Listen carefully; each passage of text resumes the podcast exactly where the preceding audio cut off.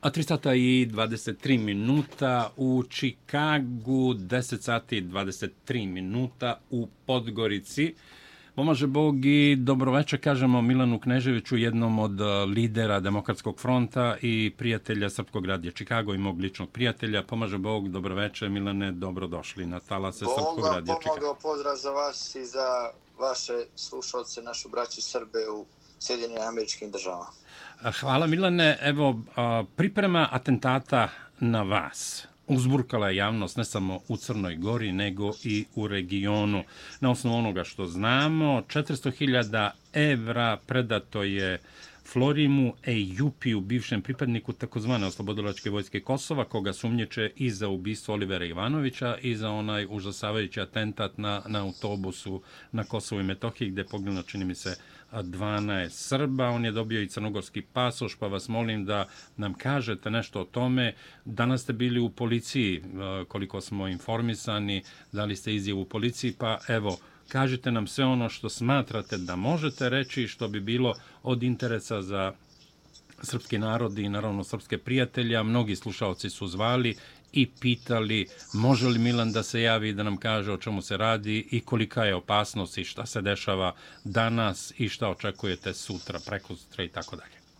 Informaciju o mogućem atentatu na mene dobio sam u petak putem sredstava javnog informisanja iz Republike Srpske, ili iz Republike Srbije, gdje se jasno kao mogući egzekutor označio Florin EUPI i očekivao sam da će nadležni organi, prvenstveno uprava policije, specijalno državno tužilaštvo i Agencije za nacionalnu bezbednost odmah reagovati, istražiti ove informacije putem međunarodne pravne pomoći i saradnje sa Republikom Srbijom i ostalim regionalnim službama.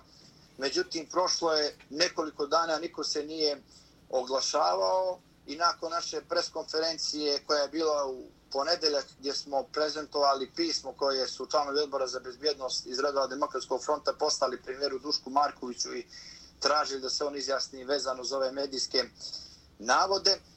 Dobio sam informaciju od mog komšije da se u subotu negdje oko 3 sata poslije ponoći u blizini naše kuće vrzmalo lice sa silikonskom maskom, da je ono fotografisano, da je to učinila njegova supruga. On je smatrao da se radi o nekom izolovanom incidentu, međutim kada je vidio našu preskonferenciju, zaključio je da bi to moglo da ima veze sa atentatom.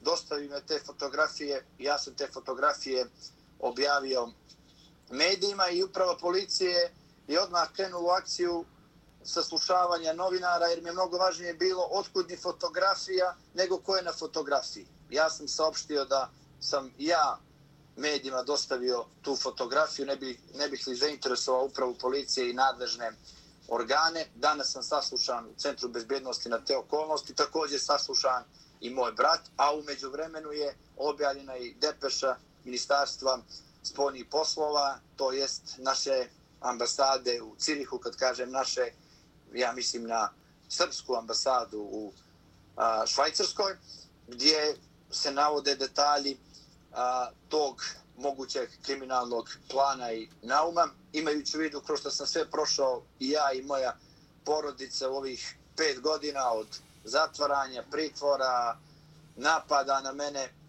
trenutno se nalazim i u kućnom pritvoru. Prije nedelju dana protiv mene podignuta još jedna krivična prijeva za krivično delo do pet godina zatvora, zato što sam navodno pozivajući na litije u Skupštini Crne Gore pozivao na otpor. Ja ne isključujem ovu mogućnost.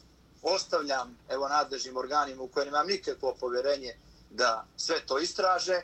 Imaju sve mehanizme na raspolaganju, kao što su ekspresno istraživali takozvani pokušaj državnog udara, ovdje ne postoji neka velika i komplikovana procedura. Sve informacije mogu da zatraže od kolega iz bezbednosti struktura u Srbiji, iz ministarstva spoljnih poslova i brzo ćemo utvrditi da li se radi o realnim prijetnjama ili kao što je rekao premijer Marković o pokušaju diskreditovanja Crne Gore i njenih institucija. Od države Crne Gore ne tražim nikakvu zaštitu, ne tražim policijsku pratnju, samo tražim da se meni, mom, mojoj braći i članovima mog obezbeđenja dozvoli nošenje vatrenog oružja, jer mi ćemo morati da budemo kao porodica spremni da uzvratimo na bilo kakav pokušaj i da sve ono što se bude desilo meni bit će adresirano određene državno-političke adrese u Podgorici i ja sam uvjeren da moja braća neće mirno posmatrati sve ono što bi uslijedilo nakon toga. Milane, vi danas niste želeli da govorite o eventualnim nalogodavcima atentata i naručiocima atentata na vas. Pominje se neki Golubović, zna se odakle to sve ide, bar vi znate, tako ste rekli, ali ne želite da to saopštite javno, nego ste to saopštili članovima svoje porodice, konkretno o svoje braći, koja će u slučaju da dođe do atentata na mene preduzeti dalje korake po vašem dogovoru. Šta to znači? To znači, gospodine Ravasi i uvaženi slušalci Radio Čikaga, da se vraćamo u onu plemensku Crnu Goru i da ćemo na, na, na ove najave napada odgovoriti po principu glavu za glavu, oko za oko ili zub za zub. Moji su prađedovi, sad evo da ispadne se malo hvalim, za vrijeme još turske okupacije dijelova Crne Gore, to je dijelova Zete, išli u Skadar do svete naše rođačke glave i iz Skadra su se vratili sa dvije turske glave na ponos čitavog brasta. Moje braća neće ići u Skadar, ići će u Podgoricu i sigurni budite da će politički nalogodavci ili oni ili članovi njihovih porodica biti na njihovoj meti ukoliko se bilo što meni desi.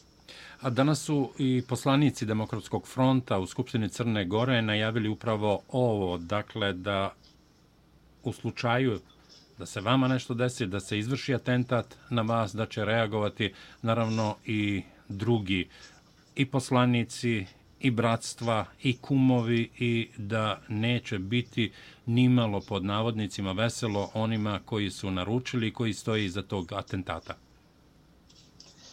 Ja moram da iskažem zadovoljstvo da u ovom jednom veoma složenom i ne bih baš rekao sjajnom trenutku, ne samo za moju porodicu, nego za čitavu Crnu Goru se veliki broj mojih rođaka, braće, kumova i prijatelja stavio na raspolaganje da bude moja zaštita i da budu ti ljudi koji će učestvovati u eventualnom preuzimanju pravde u svoje ruke. Ono što je sasvim izvjesno jeste da ja nemam poverenja u crnogorske institucije, iako su toj depeši navodi da je taj neki izvjesni Golubović čovjek koji se nalazi u visoko kotiran u bezbjedonosnim strukturama države Crne Gore, ne mi se valjda da ću ja svoje saznanje i svoje sumnje da podijelim sa onima koji treba da budu logistika mom atentatu. Ne pada mi na pamet, zato sam saopštio i ponavljam još jednom, ja nemam nikakvo povjerenje u crnogorske institucije, sve što sam imao da im kažem vezano za pripremu a, mogućeg atentata na mene sam saopštio, oni neka rade svoj posao, mi ćemo raditi svoj posao, mi kao porodica nikad nismo nikoga prvi napali, ali sigurni budite da ćemo uzratiti. Milane, a, a, da ne zaboravim, prenosim vam blagoslove i pozdrave i podršku oca Miloša Vesina, proto jereja Stavrofora paroha crkve Sveti Arhangel Mihajlo u Čikagu. On je malo pre bio gost Srpkog radija Čikago. Pozdravio i vas i sve vas koji branite mir, slogu, ljubav, srpski narod i naravno sve pravoslavne u Crnoj Gori i Srpsku pravoslavnu crkvu. Veliko hvala i prenosim ja pozdrave od našeg vjerujućeg pravoslavnog naroda u, u Crnoj Gori. Evo Milane, za kraj ja znam da vam je kuća puna bratstvenika, kumova, prijatelja, tako da neću vas dugo zadržavati, ali je vrlo važno da prokomentarišete ono što se desilo danas u Beogradu. Naime, predsjednik Srbije Aleksandar Vučić i patrijarh Irinej govorili su o užasavajućim izjavama Mila Đukanovića koji najavljuje stvaranje takozvane crkve nacionalni crnogoraca, otimanje imovine Srpske pravoslavne crkve, to sad postaje i državni projekat i projekat njegove partije i njegov lični projekat i govorili su o zaštiti srpskog naroda i Srpske pravoslavne crkve u Crnoj Gori. Reagovao je Milorad Dodik, član predsjedništva Bosne i Hercegovine, koji je žestoko, što bi rekao naš narod, raspalio po Milu i rekao Milo Đukanović bi kao i Ante Pavelić da briše srpsko ime i Srpsku pravoslavnu crkvu u Crnoj Gori. Izvolite. Radi se o jednoj ludačkoj izjavi Mila Đukanovića kojom je objavio rat pravoslavlju ne samo u Crnoj Gori, ali je najavio i mogućnost građanskog rata prema svima onima koji budu protiv otimanja svetinja imovine Srpske pravoslavne crkve i stvaranja partijske Crnogorske pravoslavne crkve po mjerilima Mila Đukanovića, inače deklarisanog ateiste. Nažalost, on je nama najavio i traktore, progone i pogrome, posjećajući da srpski narod u Crnoj Gori, ali i regionu, je imao neka tragična iskustva u nedavnoj prošlosti i da bi se to moglo desiti ponovo. Reakcija našeg patrijarha Irineja, predsjednika Srbije Aleksandra Vučića i predsjednika Republike Srpske Milorada Dodika je bila diplomatska, mudra, ali ni malo defanzivna. Ja imam stav da mi Srbi u Crnoj Gori, Srbi u Republici Srpskoj, Srbi u Srbiji treba da se branimo kao narod ukoliko budemo napadnuti. Ne želim da se u Crnoj Gori prolije kap krvi ko, ponavljam, po stoti put želi rat da Bog da njemu biju kući, ali očigledno da se radi o jednom širem antisrpskom regionalnom projektu.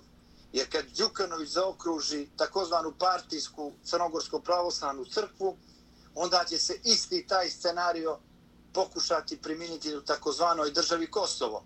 Kako bi se otpočelo sa otimanjem naše duhovne baštine, to jest naših duhovnih temelja i naše duhovne os osnove na Kosovu i Metohiji. Znači, Đukanović ruku pod ruku sa albanskim teroristima, albanskim zločincima i dušmanima srpskog naroda pokušava da nam otme svetinje i da sve to predstavi kao velikosrpski hegemonizam. Znači, napadajući Srbiju, u stvari Đukanović se po njegovoj sumanutoj i ludačkoj teoriji brani od Srbije i nije ni čudo što je sve ovo izjavio u susret obilježavanja dana nezavisnosti 21. maja, to jest jutra, kada je na pokradenom referendumu, izigravši narodnu volju, zaokružio privatnu državu čiji smo svi taoci.